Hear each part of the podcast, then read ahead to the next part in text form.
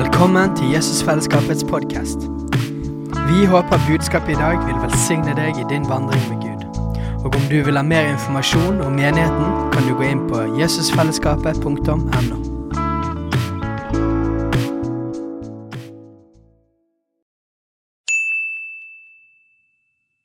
Hei! Visste du at Jesusfellesskapet starter en ny bibelskole til høsten? Den heter Jesusskolen og starter den 3. september. Gå inn på jesusskolen.no for mer informasjon. Tusen hjertelig takk.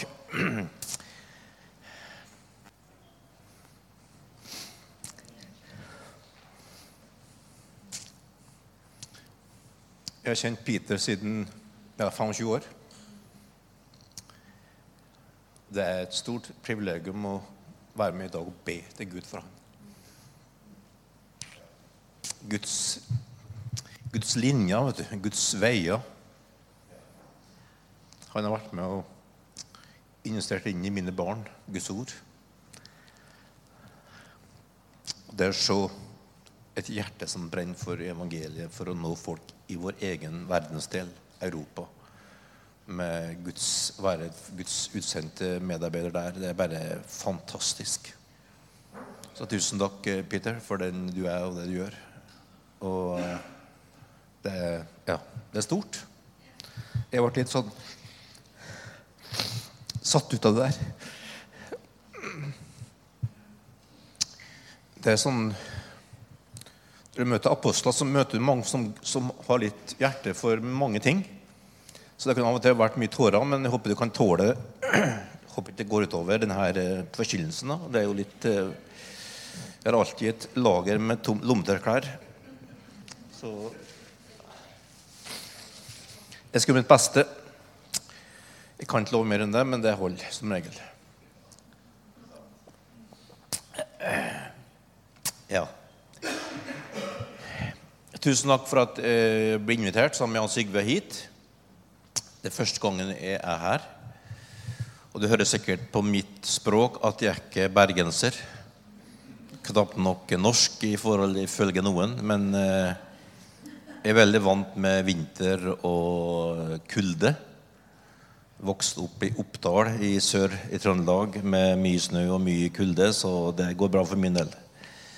Eh, og så har jeg fått eh, en nåde fra Gud da, til å eh, få eh, en god kone fra Lofoten og tre fantastiske barn og sju barnebarn.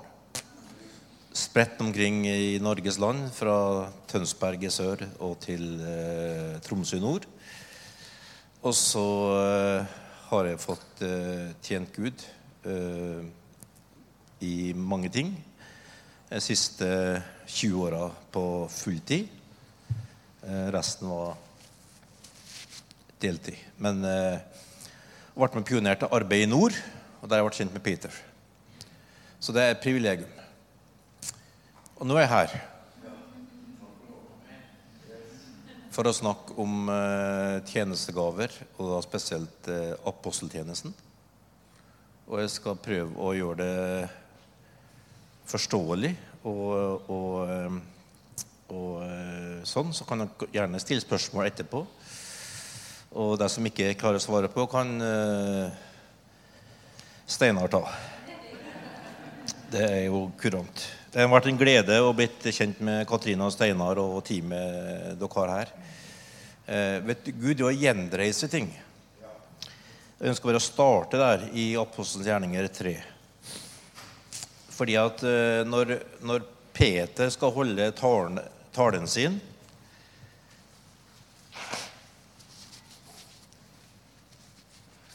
Ganske tidlig etter åndsdåpen og forkynnelsen, og han og Johannes helbreder og skaper masse røre, så sier han da noe veldig sånn spennende i kapittel 3 av Apostlenes gjerninger, og vers 23. Eller vi kan ta vers 24, så ikke det blir for langt. Eh, nei, 21 tar vi. 21 tar vi. Beklager.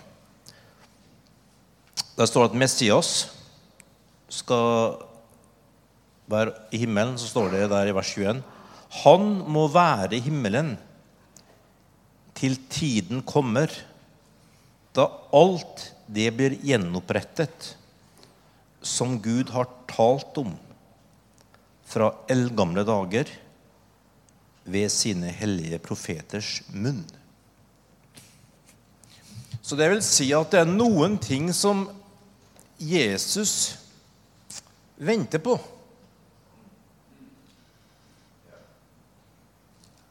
Noe som skal bli gjenreist, gjenoppretta, her på jord. For den jorda her tilhører Gud. Det er hans verden. Hans jord. Han har skapt den. Så, så han har faktisk tenkt å gjenreise noen ting her på jord. Og du og jeg er midt i den gjenreisningsplanen til Gud. Er ikke det fantastisk? Og det, og det da i, i, Det står da i denne boka her, som vi tror er Guds eget ord. At han gjør gjenreise noen ting. Og noe han gjenreiser, da, som Steinar var inne på, det, det er menigheten sin. Og den menigheten eh, Jesus har tenkt å ha, det er ikke en sånn pjuskete, eh, skitten, fæl, liten greie. Det er en brud. Vakker. Pynta. Klar. Og som eh, tar imot brudgommen Kristus. Som står i stil med brudgommen i Kristus. Tenk på det. Jeg vet ikke hvordan det har vært når du har vært i bryllup, men når jeg har vært i bryllup, så så kommer oppmerksomheten til bruden. Vakre, pynta bruden. Som stråler av glede, stråler av liv. Og brudgommen og bruden passer sammen. Det er sånn at bruden, bruden er liten og pjuskete og skitten og fæl borti krå, så kommer brudgommen vakker og høyreist og flott. Nei, nei, nei. nei. Jesus skal få en brud her på jord som står i stil med brudgommen. Wow. Du driver og forbereder på bryllup. Regner med du gjør det. Jeg gjør det. Jeg elsker bryllup. Jeg elsker god mat og god drikke og fast og feiring og musikk og you name it. Det er, det er herlig. Og det holder jeg på med nå òg. Nemlig Jesus skal komme og hente bruden sin. Den skal være vakker. Den skal være pynta. Den skal være moden. Og det, og det er fantastisk. Så det, vi er på, på, på, en god vei, da. Og, og det er der hele, hele forståelsen av tjenestegaver kommer inn i bildet. Um, og det er, kan vi lese om i kapittel 4 i Festebrevet.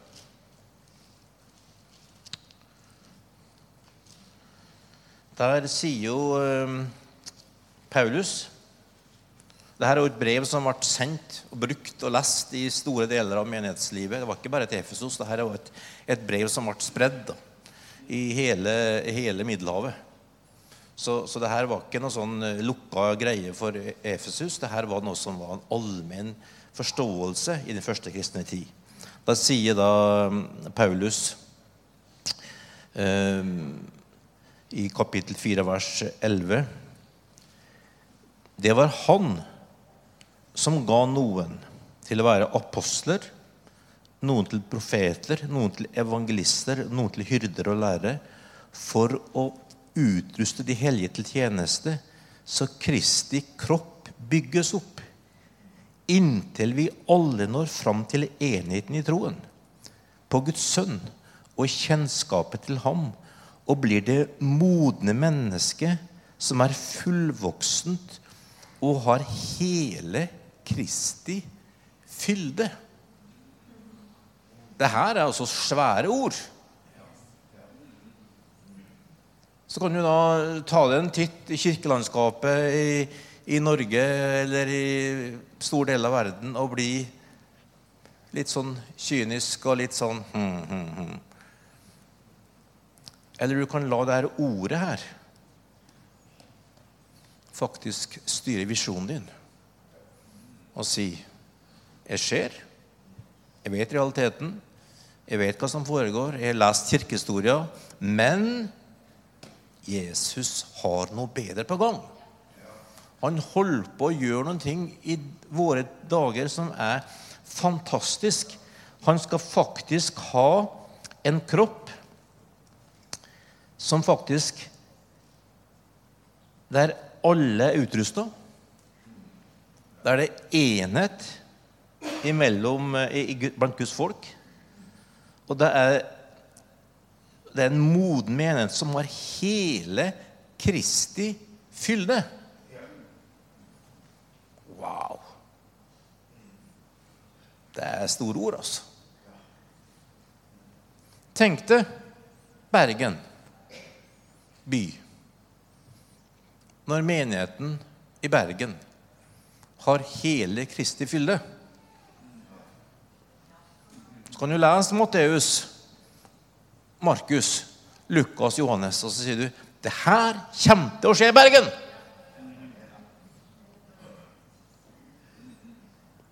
Ja, men, ja, men se rundt deg, da. Ja. Men Gud driver og gjenreiser noen ting. Han gjenreiser sin menighet. Og den menigheten skal bli det modne mennesket med hele Kristi fylde. Wow. Og jeg har trodd på det her i ganske mange år.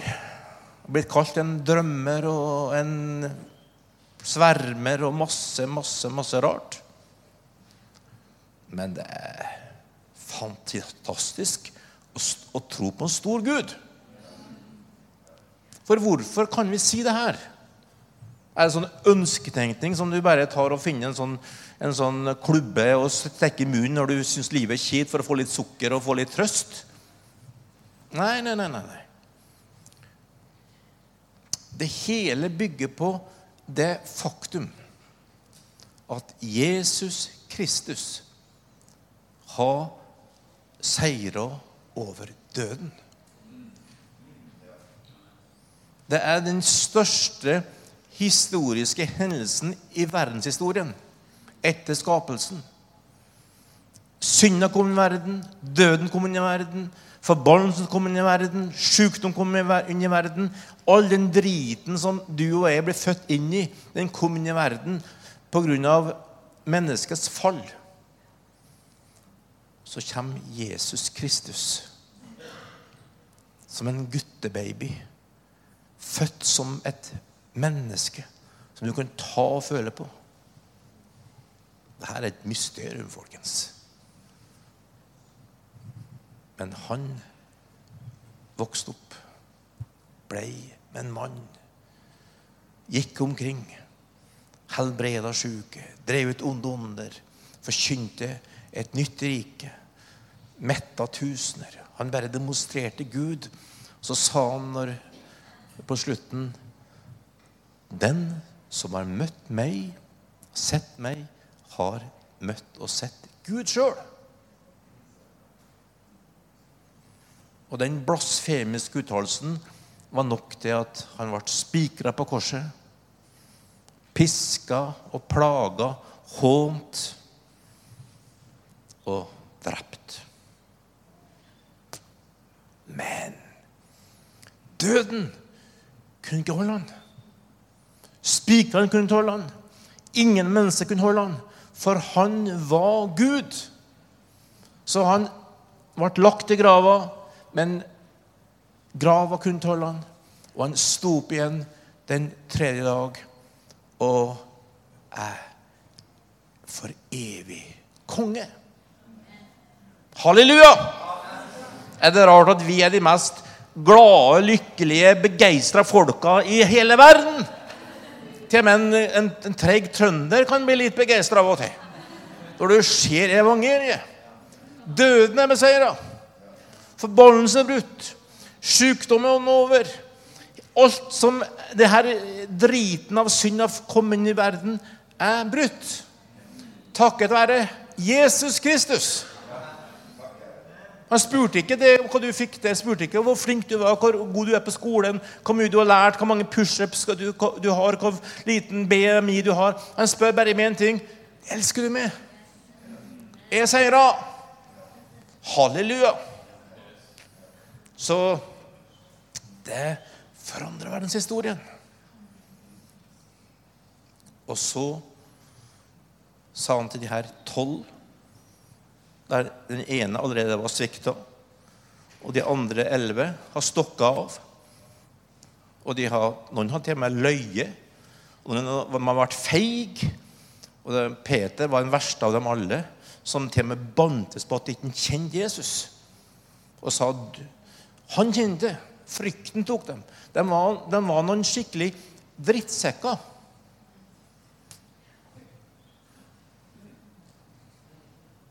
Så kom han til dem og sa, 'Fred være med dere.' Ja, men uh, folkens jeg, jeg har beseiret døden. Her er tegnet på at døden er beseira. Livet seira. Og, og den, den sviket ditt, løgna di, det driten du har båret på, det du har tulla med, det du har holdt på og tulla og ødelagt for Det er ingenting imot min seier på korset. Så Peter av alle, som var den største eh, selvgode, som bare trodde alt om seg sjøl, og som bare gikk på snørra og gikk ut og var ferdig, han ble gjenreist i troa på et evangelium der Jesus har seier over døden. Halleluja! Er det rart at vi er de mest lykkelige, begeistra folka i verden? Og vi har håp. Vi har en mening. Vi, altså det, vi er de mest fantastisk velsigna folk i verden. For til og med døden kan ikke ta knekken på oss. Fordi at han har seira for døden. Takk og lov, altså.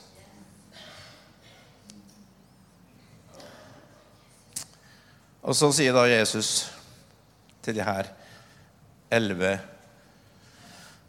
folka, som da var gått med han i elleve år, nei, elleve år i tre år, og svikta på alle bauger kanter, sier at nå kan dere enten tro på dere sjøl, og dere har prøvd, og det funka ikke, eller kan dere tro på meg, Det jeg sier det sin. Ta imot Hellige.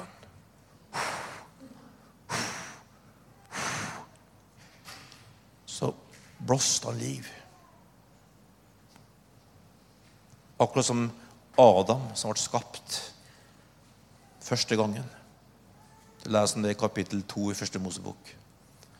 At Adam og den første mennesket ble skapt, og så blåste Gud liv i dem, og så ble det et levende menneske. Så skjer det samme igjen etter oppstandelsen. Jesus, Gud sjøl, blåser liv inni de her disiplene som var svikta og løgnere og feiginger og alt det der. Og så ta imot Den hellige ånd. Så ble det født en kropp, en ny Adam, etter oppstandelsen. Som hadde oppstandelseskraften i seg og som kunne reise seg og forkynne gode nyheter. Ikke lenger om Peter og, og, og, og Johannes og Andreas og gutta, men om han. Jesus sjøl. Og så ble de apostler, som var et veldig vanlig begrep i Romerriket. For når romerne slo ut en nasjon eller en stor og viktig by, så sendte de folk fra Rom til den plassen og sa nå skal Romerriket styre her. Det her er ikke lenger jødisk, det er ikke lenger gresk, det her er ikke lenger nordafrikansk. Det her skal være en romersk plass. Her kommer mine apostler fra keiseren Så skal han omforme denne byen, denne landet, denne delen av verden til å bli sånn som Rom. Romersk rettferdighet, romersk lov, romersk kultur, romersk forståelse. Kom hit! Og så bruker Jesus det samme begrepet og sier at nå er døden beseira. Nå er døden død. Nå har livet seira. Nå skal livet komme til verden. Og her kommer mine agenter med liv. Gode nyheter. Nemlig tilgivelse, forsoning, enhet, frelse, helbredelse, frihet fra åndskrefter. Guds rike kommer hit. Halleluja. Og det er ikke noe du skal lengte om langt fram eller i et annet rike langt borte, men det kommer hit, til jord. Og det var revolusjon. Og det er det som er det apostoliske. Det er egentlig bare en, en, en budbringer, en messenger, en, en som kommer og forkynner Kristus, Jesus, har seira over døden. Han er Herre. Han er ikke langt borte. Det er ikke noe du skal lengte til. Han er her nå. For Den hellige ånd har kommet hit. Derfor er det alltid håp, derfor er det alltid framtid, derfor er det alltid, alltid frihet. Det er et budskap som ikke er en mental greie, men en erfaring av Jesus Kristus. Halleluja.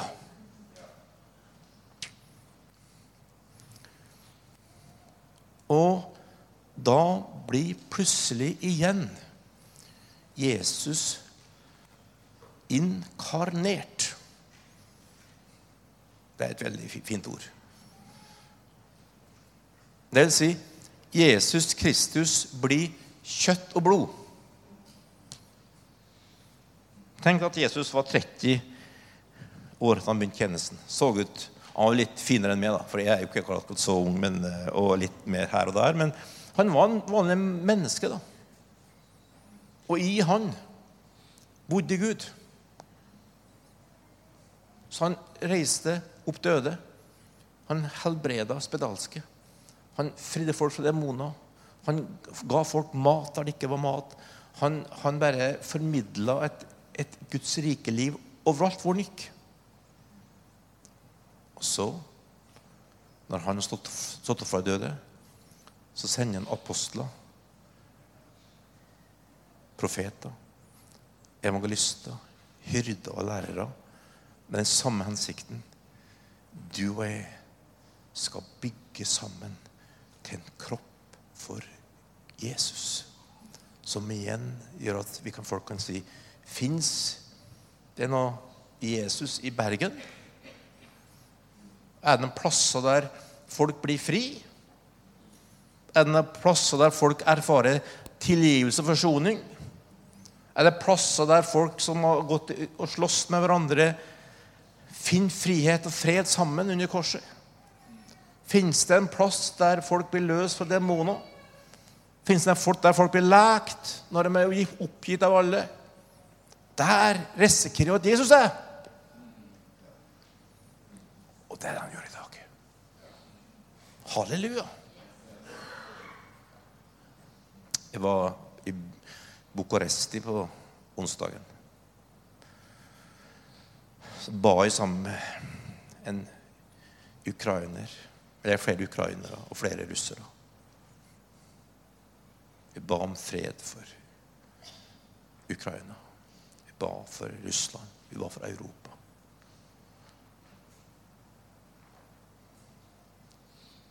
Vi kunne diskutere politikk. Vi kunne krangle om hvem som er best og størst og finest, men vi, vi fant hverandre rundt Jesus som herre og konge.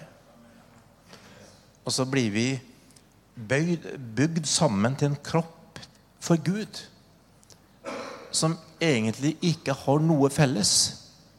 Men vi har det største felles Jesus Kristus. Halleluja. Så hvis du har en fnugg av, av en drøm og visjon om at menigheten skal være noe annet enn en evakueringsplass for å komme til himmelen når ting går av skaftet Hvis det er det som er din drøm, da har du kommet på feil plass. For det, det som er Guds plan, det er at Jesu Kristi kropp, menigheten, skal bli det modne mennesket med hele Kristi fylle, slik at verden skal tro. Wow! Og hvis du tror på det, da kommer du kommet på rett plass. For da trengs tjenestegaven. For det er Jesus, det som står her. At han sendte de Det er ikke noe som stemmes over i menighetsmøtet. Det er ikke noe som eh, man bare søker på. Jeg har lyst til å bli det der. Nei, det er noen som, som møter Jesus.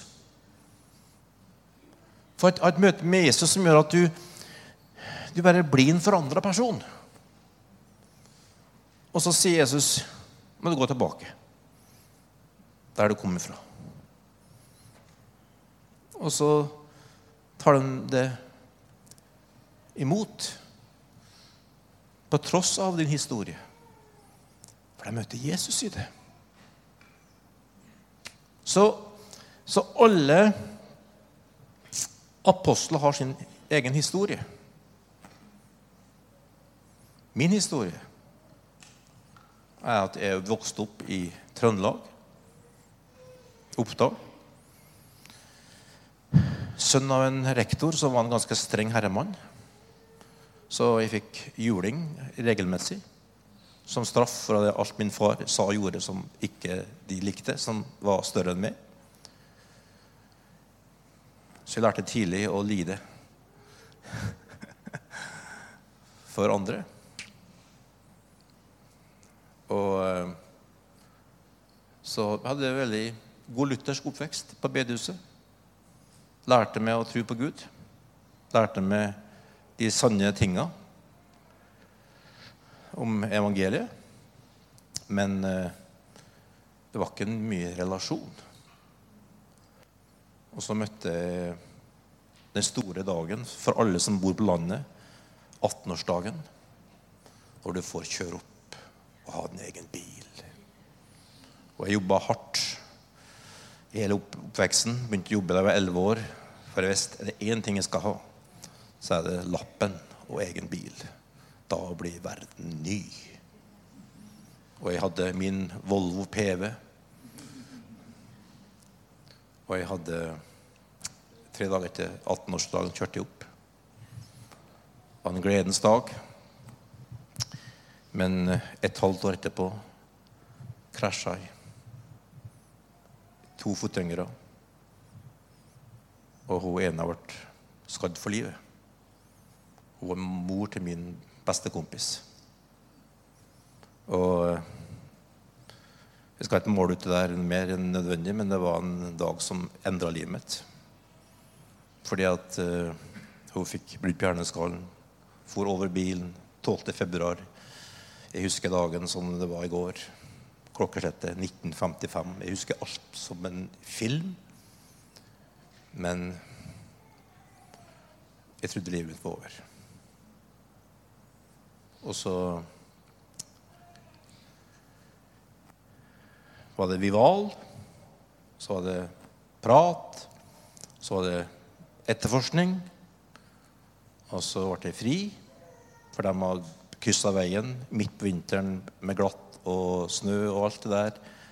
Og, og de skulle ha sett bilen, for jeg hadde lys, og det var en bil foran meg som de stoppa for, men ikke meg, osv. Så, videre. så jeg ble frikjent. Men hva betyr det? Når du bærer på en ryggsekk av skyldfølelse, og du har lyst til å leve den dagen opp igjen og opp igjen, opp igjen, men du kan ikke gjøre det.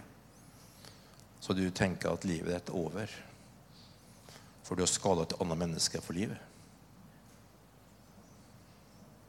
Så jeg hadde en masse runder fram og tilbake. Helt til at eh, jeg ble desperat der på, på våren, året etterpå.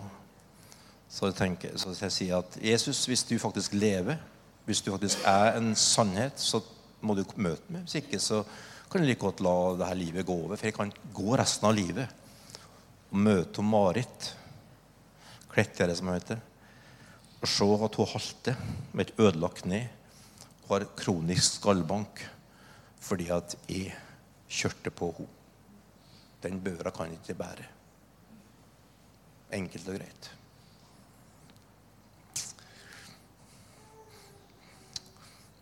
Og så en sommerdag, vår, tidlig sommerdag, vårdag, så bare roper jeg til Gud på en fjelltopp. Og sier, 'Gud, altså.' Jeg ropte jeg hadde vært god for på den toppen der, vi, der vi vokste opp. Og så kommer Jesus og sier, 'Jeg har tilgitt det'. Foreldrene tilgitt det. Hun, Marit, har tilgitt det. Alle har tilgitt det. Du må tilgi deg sjøl. Og så faller på kne.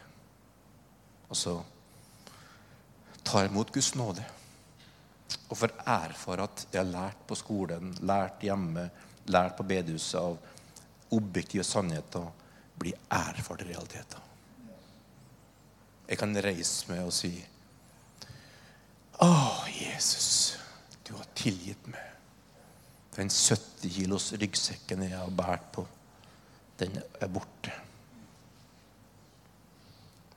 Og så begynner hungeren og tørsten etter mer av det her, som ikke bare er en teori og som er læresetning og bekjennelse, men som er et liv som bare kommer innsida. Det begynner å, å, å, å, dra dem inn i ting som heter for dåp i vann og dåp i Den hellige ånd og Guds kraft. Og jeg begynner å gå på møter som ikke mine foreldre liker, og, og som de advarer mot. Og... Men eh, du er tapt for livet. For du møtte han kongen.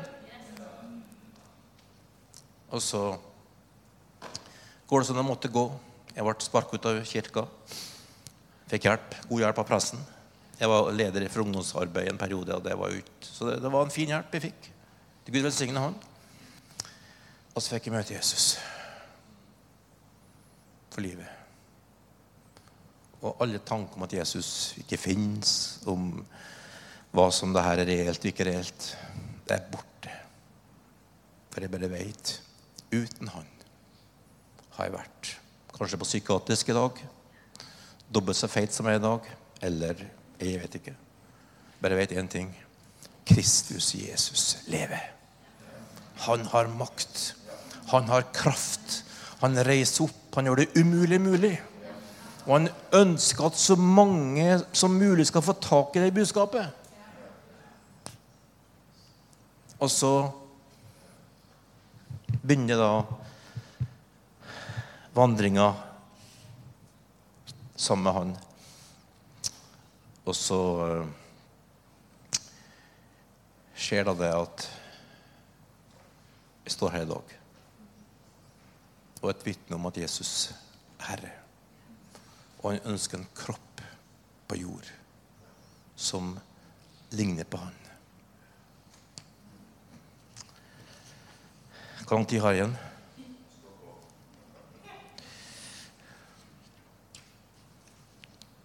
Så det som da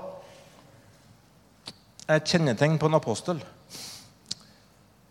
det er en visjon. da. En visjon som bare styrer det. Som gjør at du ikke lar deg lure av alt som foregår i kristenheten, og slår til ro med det som er sånn passe nest beste. For, vi, for jeg tror mange av dere har den, har den visjonen. Nemlig en visjon av Kristi kropp, menigheten, som det modne mennesket med hele Kristi fylde. Derfor ber dere for syke. Derfor så driver dere og faster, og derfor så driver dere og, og, og, snakker med folk og forkynner evangeliet på gata. og gjør dere, For dere vet evangeliet er Guds kraft til frelse. Og den visjonen der gjør at du bare gjør ting. Du bare dras av gårde. Du bare, du bare slår ikke ro med det nest beste og sånn middelmådighet og, og det som passelig, og som gjør at folk føler at det her er spiselig. Nei, du bare blir drevet av Guds ånd. Fordi at du har sett noe her som bare Å, Herre. Derfor kan du være med på alt mulig rart heller, av kirkepolitikk og tull og tøys. For det, det, det, drar det ikke inn i det som Gud vil. For Gud ønsker et, et folk i Norge og i Bergen som kan, han kan få lov til å bruke. Som han kan få lov til å, å, å, å få lov til å styre. Og det er det fantastiske med dette budskapet. Så, så, så det her er min historie. Jan Sigurd har sin historie. Andre har sin historie. Men, men historien er at du blir en forvalter av et evangelium om Kristus. Og, og det der er Det der er utrolig Jeg skal forklare det. Altså, Gud ønsker å filtrere sitt liv gjennom mennesker. For at, altså, Vi er ikke her for å ha et møte og se eh, på et sånt fint Det er veldig fint kors dere har. Fine bilder her. Veldig flott. Eh, jeg, jeg, tror på estetikk. Kona mi er kunstner, og hun elsker sånne ting som det her. Men, men, men det som Gud ønsker, er først og fremst å ha et, en kropp av mennesker som er bygd sammen til å uttrykke Gud sammen. Han ønsker å filtre sitt liv gjennom kjøtt og blod. Så et apostolisk eh, evangelium har ikke problemer med mennesker. Har ikke problemer med, med, med, kjøtt og blod. For det leves ut kjøtt og blod. Derfor så, så, så er det budskapet som vi tror på, er altså at faktisk at vi skal bygge sammen som en kropp for Jesus. Der vi alle har en utrustning der vi tjener hverandre og der det, der det at vi lever i kjærlighet, fred og rettferdighet, og så vil folk erfare Jesus. Og der er, er, er gull, altså. Det der er en visjon som gjør at du, du bare du bare blir filtrert. da. Skal jeg, skal jeg forklare det der? Altså, Den visjonen gjør at jeg syns det er kjempefint å være på gudstjeneste der det er masse unger som bråker.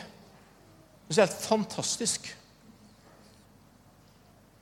For min visjon er generasjonen sammen. Ikke sant? Det er ikke, ja, men Vi har ro og fred, og vi skal ha system og struktur. Ja, ja, ja men hvis, du, hvis det ikke er liv ikke sant? Hvis du tror på en visjon av Kristi kropp, så syns du det er helt fantastisk når ungene sprenger veggimellom. Og det er, og det er halloi og styr. Og du, og du kommer inn folk med rullator, og de sitter sammen på samme møtelokale og tjener Gud sammen og tenker Wow! Her er Guds rike! Ja, men eh, Det er mye bedre hvis de gamlingene kan ha formdagen, og så kan ungdommen ha kvelden. Og så kan barna ha sine greier der, og så Nei, nei, nei. nei, nei. Det er ikke i det hele tatt noe i nærheten borti natta i nærheten av det vi tror på.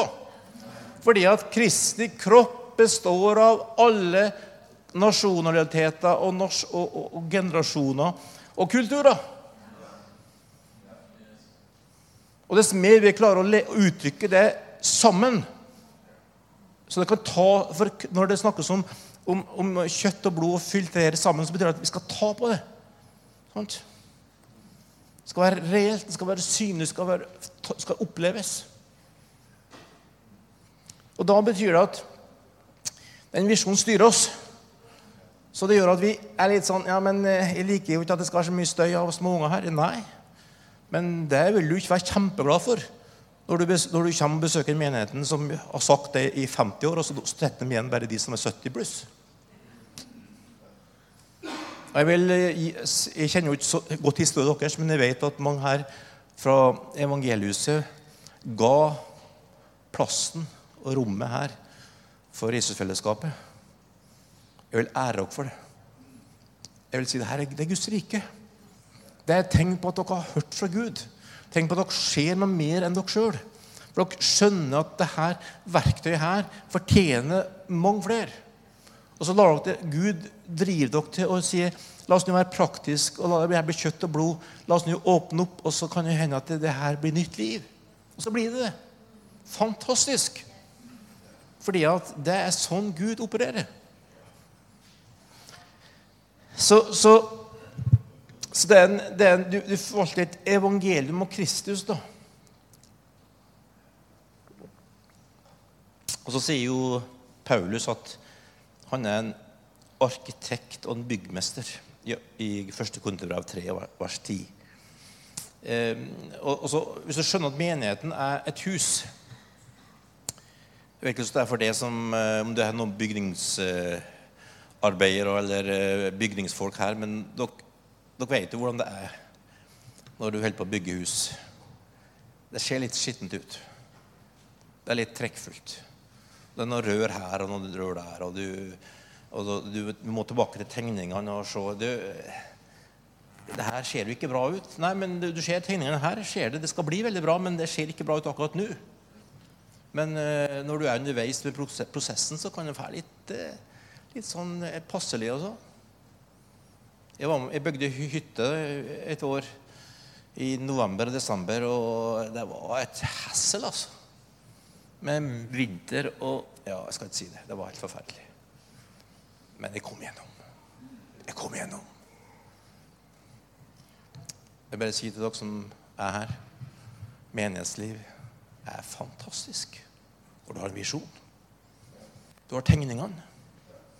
Du ser her hva det skal bli. Det skal bli hele Kristi fylde. Bergen skal få erfare Jesus i kjøtt og blod. Barn, ungdom, gamle. Alle slags generasjoner, alle kulturer, alle språk. Erfare Jesu kjærlighet, Guds kraft til frelse, utfrielse. Oh, ingen skal gå sulten og legge seg. Ingen skal bli, bli overlatt til seg sjøl. Ingen skal gå ensom på gamlehjemmet der ingen bryr seg. Vi tror på Jesu menighet og en visjon at vi bare står på. Ja, men eh, det er jo så mye Ja, ja, ja. ja. Men det er jo så, det skjedde, det. Og, og de mener det. Og han gjorde det. Og, og de der folka der. Ja, men du har sett en visjon. Du kan ikke la være. Du har bare sett noe i denne boka her som bare driver deg av gårde. Så du er ferdig med å si ja, men jeg, ingen ser meg.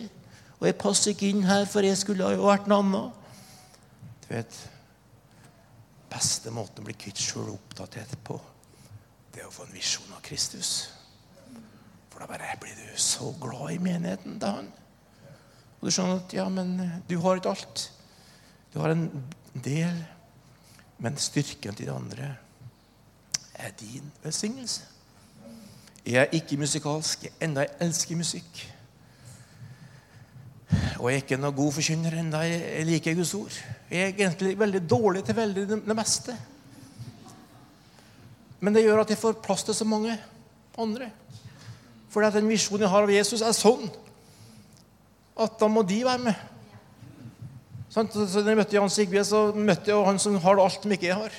Handy og sang og musikk og vet ikke om han ikke hadde, og Så kunne han si til en bror Stå sammen. Fordi at du har sett noe. Og Når du da kommer gjennom de her fasene av å føle utafor og føle tilsidesatt og føle at det ikke blir sett, og alt det der, så blir du i stand til å bli bygd sammen til et hus for Han. Ikke for oss. Og det er fantastisk. Så det er gull verdt, altså.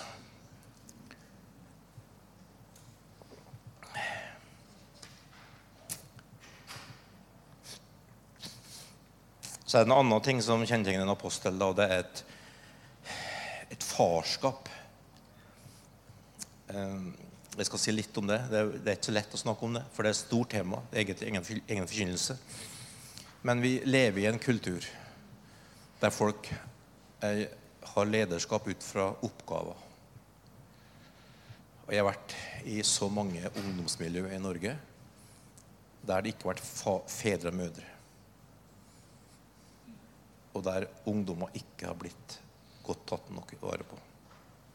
For eksempel fordi at det er sårbart å være ung å bli møtt av Jesus og elske Jesus og få erfare nåde og tilgivelse og, og, og alt det du kjenner bare at du åpner opp. tenker jeg, Wow! At Gud elsker meg, er fantastisk. Og da kommer den onde og sender folk inn for å ødelegge det der. Da er det godt, er det godt nok du, å være en god lovsangsleder, en god møteleder, og en god organisator, en god vitsforteller, og en god røykmaskin og god på alt det der. For Da trengs det en, noen fedre i huset og noen mødre i huset som sier at han der ikke få komme inn og tukle med miljøet vårt. For han har feil motiv. Her skal det styres. Det trengs farskap. Kristne miljø i Norge har blitt ødelagt så mange ganger av lederskap som ikke skjønner å være mødre og fedre. Så en, en eh, så, så nært knytta til, til, til apostelforståelsen er fedre som passer på at familien har det bra. Ikke utnyttes, ikke brukes. Som ikke For en far, vet du, en god far, trengs ikke å være i sentrum. Sant? Hvis dere følger litt med på, på verden når det var korona, og det begynte å åpnes opp, så begynte folk å møtes hjemme hos noen plasser. Ofte de plassene der fedrene var hjemme, men ikke var så veldig synlige. De satt på hjemmekontor. Mest det her er det fred. Her er det mat. Her er det lov til å være. Her er det frihet. Her kan vi leke. Men de er ikke der og tar over. De er bare til stede for å skape arena og rom for at folk kan vokse og trives. Så en, en, en apostel er ofte ikke den mest synlige. Fordi at uh, poenget er Kristi kropp. Det at hver enkelt blir utrusta til tjeneste. Og så uh, er poenget at menigheten vokser og kommer og blir lik Jesus, og at mangfoldet og enheten funker. Så, eh, så det er det Paulus sier om å være en far. Og åndelige mødre og fedre trengs i det her, eh, i det her eh, arbeidet. Og så er det en stor, viktig side av det her med å være det apostoliske. Det er å være en, en teamarbeider. Altså, vi driver ikke og Vi tror ikke på uh, businessverden, hierarkiet, som prøver å skape over, under og roller. Jeg tror på at vi er en familie. Guds familie. Og i Guds familie så, så er det plass for alle. Uansett hvor produktiv eller utrusta eller flink eller hva du enn er. Og, og eh, hele forståelsen vår av menighet er at eh, vi er en Guds familie som er sammen for å tilby å tjene Gud og, og tjene verden. Og eh, da, må, da må du skape rom for mange. Så en eh, Jeg har et godt uttrykk jeg lærte av, i naturlig menneskeutvikling. Frukta av en god leder er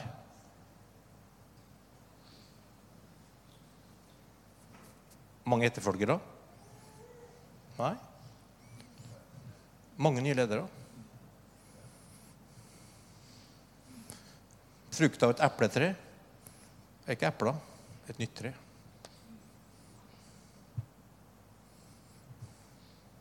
Så det som eh, kjennetegner apostoliske funksjoner, det er at det er plass for veldig mange sterke ledere. For det hele, det hele handler om Kristus, ikke om deg sjøl.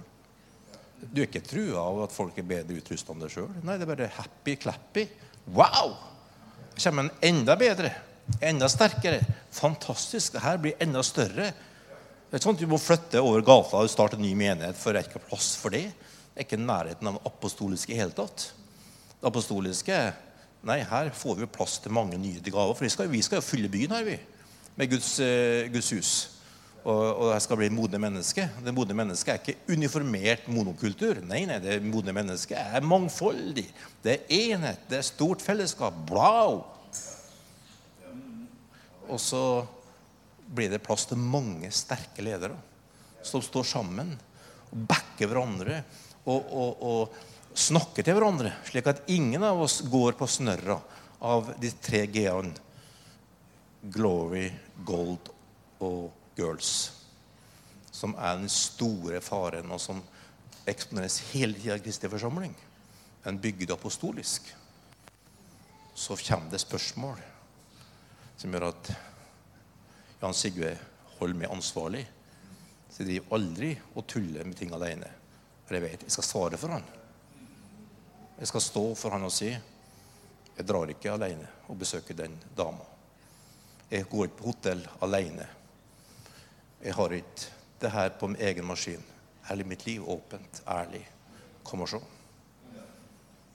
For det, handler om hans, han og hans vitnesbyrd. Er ikke et hierarki der én er på toppen og har all makt, og som skal falle til slutt. Nei, vi skal stå sammen. Sånn som Paulus hadde masse, masse folk.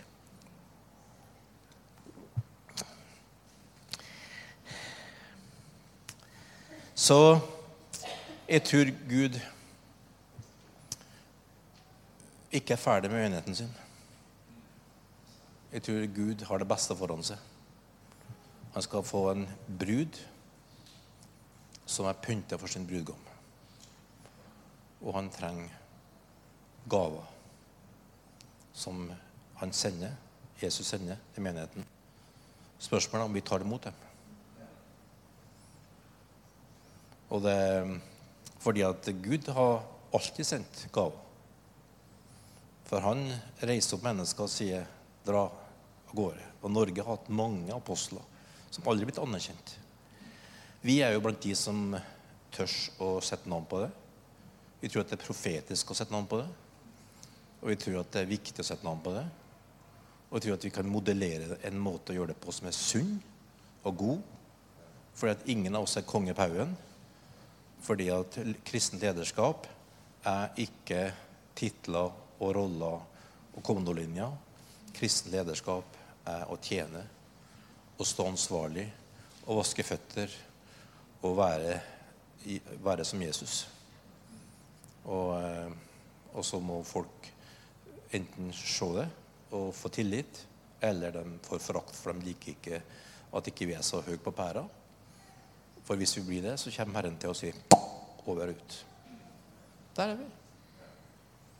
Så eh, de fleste apostlene som jeg vet om, er ikke veldig, veldig godt kjent. Fordi de er ikke så opptatt av å, mark å markere seg. De er opptatt av å tjene Jesus. Men Jesus sender gaver til sin menighet. Og det er for at han ønsker at den skal bli moden og bli sterk, full av Han, slik at verden skal bli frelst. Han sier, kan ikke du komme og dele din historie med oss?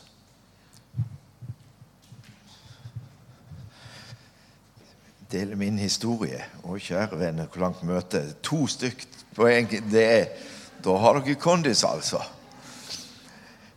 Jeg skal være veldig kjapp. Jeg får gleden av å komme tilbake igjen i januar. Men jeg kan fortelle om at eh, jeg er oppvokst på Stord, bor på Stord. Og eh, dialekten min sier noe annet. Som liten så flytta jeg til Kvinesdal. Jeg er oppvokst i Kvinesdal. Og som 15-åring så ble Kirken i Dalen Sarnsdal min hjemmemenighet. Jeg ble godt kjent med Arild Edvardsen og vokste opp sammen med Rune Edvardsen. Og det store arbeidet som skjer der i Kvinesdal, for de som er litt oppi åra og vet noe av den historien. Og Der opplevde jeg at Gud kalte meg, møtte meg, og erfarte å få en brann for Jesus. Eh, som Terje vitner om, så var det det jeg sjøl opplevde å få et sterkt møte med Gud som eh, ungdom. Og hvor eh, jeg opplevde virkelig at jeg trengte nåde og tilgivelse og møtte korset i livet mitt. Og, og Det førte til at jeg fikk en nød for mennesker. At jeg begynte å dele evangeliet. Var ute på gater og streder og besøkte mange i sine hjem og delte evangeliet. Og for jeg fikk Guds nåde se at mennesker tok imot Jesus. Og så opplevde jeg Gud utfordre meg til å reise på team. Jeg fikk lov å reise på team rundt i Norges land og så mennesker ble frelst, og mennesker ble møtt av Gud. Og da reiste jeg til Stord, som var der som jeg flytta fra da jeg var liten. og så mennesker bli frelst og tok imot Jesus på gata.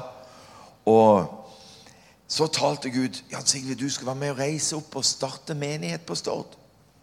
Og det var jo det ellevte bud. Start ikke nye menigheter på den tiden. Men jeg reiste og drog opp. Eh, det vil si, jeg hadde ingen plass å bo, hadde ingen jobb.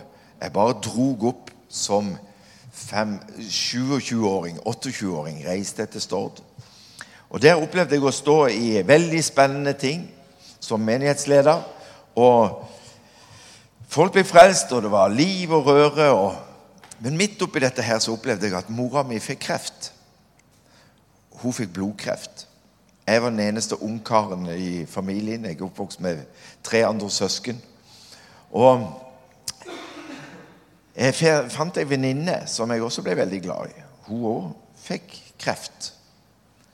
Så på to måneder så opplevde jeg å miste min egen mor og miste min venninne.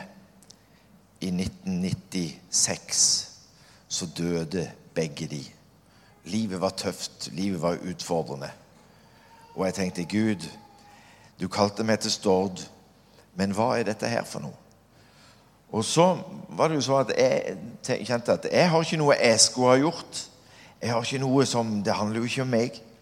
Så vi hadde en fusjon med en annen menighet. Og etter en tid så opplevde jeg at det ble en utfordring. Så jeg så at eh, Gud hadde noe annet for meg, så jeg trekte meg ut av det. Og opplevde å gå inn i en ørken. Og Terje han bevitner om sin historie i forhold til hvordan han opplevde dette med at Gud møtte han i at han hadde erfart å bære på en skyldfølelse. Jeg opplevde at Gud førte meg ut i en ørken. Jeg vet ikke om du har lest i Bibelen om mennesker som har vært i en ørken. Men Gud har en fantastisk evne til å føre oss til et punkt hvor vi kommer til enden på oss sjøl hvor vi blir ferdig med oss sjøl. For hele, hele, biten om å komme inn i Guds rike handler nemlig at vi trenger å dø. For den som mister livet, finner det. Og Det er å komme til et punkt hvor du blir ferdig med meg sjøl. Og, og, det tok noen år å bare komme ut i en ørken og oppleve at jeg har ingenting annet enn Jesus Kristus og Han korsfesta. Og så ser vi det i Bibelen at Paulus han har jo den nidkjærheten og sier jeg vil ikke vite av noen ting annet enn Jesus Kristus og hans korsfesta. I de tre årene hvor jeg vandra i ørkenen, så traff jeg min kone. Hun ble jo litt redningen for meg. Og sammen så søkte vi Gud i forhold til hva Gud, hva vil du med livet vårt? Og gjennom når du opplever vanskelige ting og utfordrende ting i livet, så ble det for meg at bevar hjertet ditt framfor alt du bevarer. For livet går ut ifra det. Jeg fikk Du skal være stille. Herren skal stride for deg. Og det å overlate sin sak til Gud og kjenne 'Her er jeg, Herre'. Gjør med meg som du vil. Bruk meg som du vil. Og Da satte jeg ribba på en måte tilbake med ei god kone og etter hvert fikk vi en sønn, og vi har tre sønner. Isak, Jakob og Markus. Og jeg har tenkt å bytte navn til Abraham. Nei da, jeg har ikke det, altså.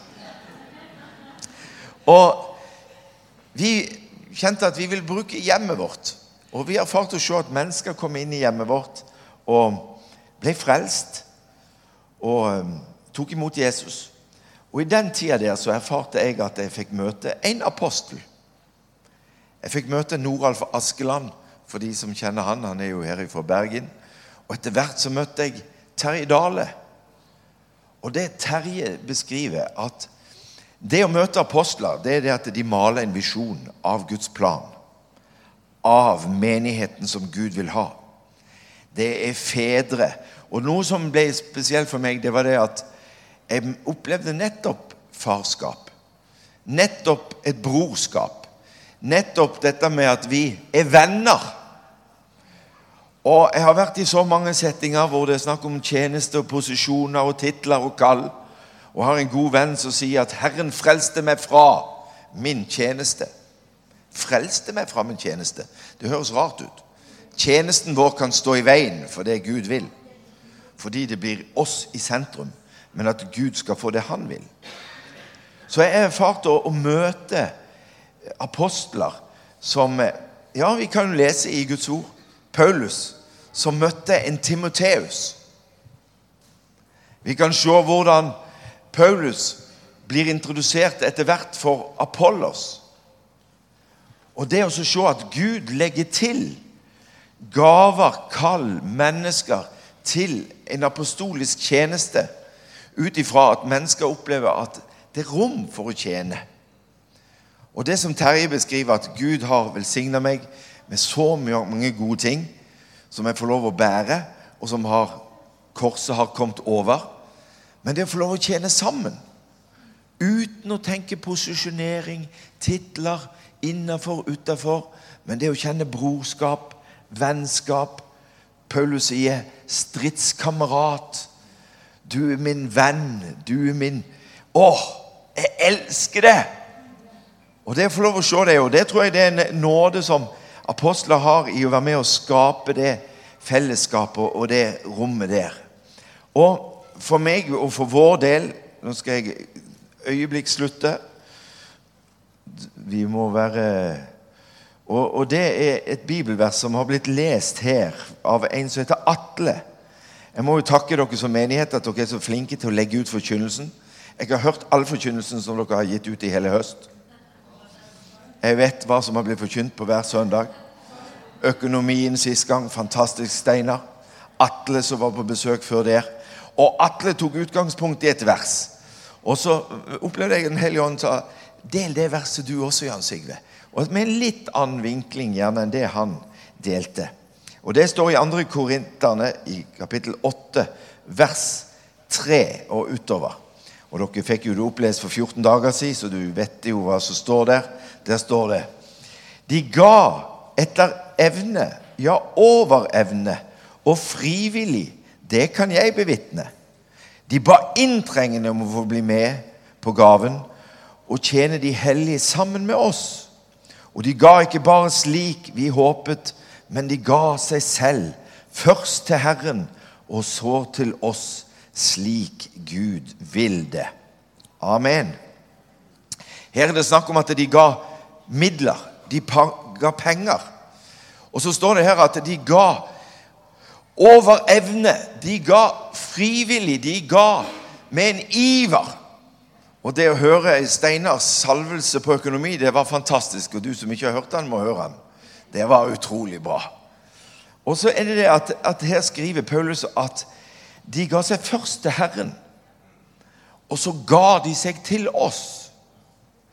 Og jeg hører ofte folk sitere det og si de ga seg til hverandre. De ga seg til menigheten. Men det som står De ga seg til oss.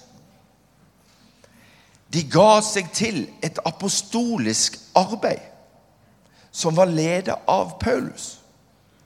Og det ble en åpenbaring for meg når jeg møtte apostlene og hørte den visjonen av Kristus og Guds menighet. Menigheten for Gud, Guds plan.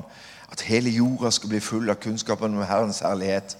Da skjønte jeg jeg trenger å gi meg til Herren. Jeg trenger å gi meg til apostler. Jeg trenger å gi meg til et apostolisk arbeid. Med alt jeg er og har. Så meg og min kone vi kom til det når vi opplevde å få det møtet med Kristus og få den åpenbaring at Gud gir apostler i dag og tjenestegaver. Så sa vi Noralf, Terje, kan dere ta tilsynsansvar for oss? Vi gir oss til dere som de apostlene dere er, med alt det vi er og har. For vi vil tjene Gud sammen med dere. Og du som er med her i Jesusfellesskapet, sørg for å gi deg til de eldste. Si det til de eldste. Uttal. Si 'Jeg er her. Dette er min heim. Her vil meg og mitt hus vi vil tjene dere som eldste i denne menigheten. Våk over livene våre. Vi ønsker at dere skal ha innsyn i hele livet vårt. Vi ønsker å leve transparent. be for oss. Vi vil at dere en dag skal stå til ansvar for Gud, for nettopp oss. Og vi ønsker å leve så dere kan gjøre det med glede, med stor frimodighet, som det står i hebreerne. Sørg for at vi lever sånn. Og det å leve ut ifra en sånn åpenbaring at vi trenger å gi oss til Herren og gi oss til et apostolisk arbeid. Og det fikk jeg erfare å møte apostlene på den måten. Og så har Gud ført meg sin vei i forhold til det den tjenesten og det kallet Gud har lagt ned i meg. Og jeg kjenner bare at det blir så spennende å se hva Gud har for dette landet og utover i verden. Og jeg vil si også en ting. At en apostel og tjenestegaver er gitt til Kristi kropp. Den er ikke gitt til kristen fellesskap. Vi er ikke gitt til kristen fellesskap. Vi er gitt til Kristi kropp. Enhver gave som Gud gir, gir han til sin menighet. Sin menighet. Og så er det så Terje sier, at vi trenger å erfare og ta imot de gavene. Som Arild, som var en evangelist, og han var jo gjerne mer enn det også, han var gitt til hele Kristi kropp. I Norge og utover i verden. Og det å gripe det også er å se det at det er utover en sånn liten sånn miniatyrgreie at vi er der. Men Gud han gir mål, han gir nåde, og så utvider han i rikt monn.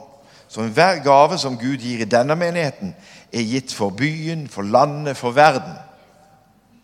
Og det å gripe det og skjønne det at vi ønsker å gi oss til nettopp de gaver som Gud gir i denne tida. Herre, jeg har lyst til å takke deg for at din plan og din vilje det er at hele jorda skal bli full av din herlighet. Herre, takk for evangeliet har kommet med at du kom. Herre, som lys som verdens frelser, som Messias, som konge, som Herre. Takk for du har åpenbart det for meg og oss som er her, den enkelte på hvert sitt vis. For du har møtt oss på ulike måter. Og så er du Herre. Du er konge. Herre, vi sier nei til oss sjøl og ja til deg, Herre.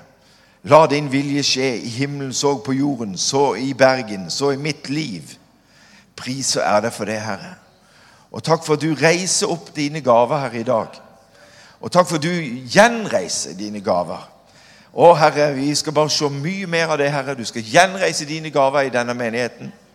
Og takk for at du gjør det, og har allerede gjort det, Herre. Herre, og takk for at vi skal få lov å se at uh, store ting skal skje i denne menigheten og i denne byen, og der du sender disse som du har satt her, Herre. Og så La oss være trofaste i å se at vi trenger å gi oss til deg, Herre og gi oss til et arbeid. Gi oss til eldste. Vi gir oss til søsken.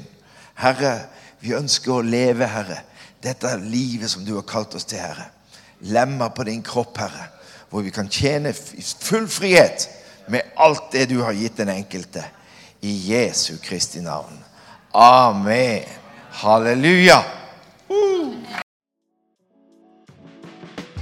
Hei, alle sammen. Det er Katrine og Steinar Lofnes her. Vi er hovedledere for Jesusfellesskapet. Så kjekt du har lyttet til denne podkasten. Har du forresten hørt noen av de andre podkastene våre? Ukens tale, Disippelskolen, Hyrdepodden, Kulturkrigen og Mammas hjerte.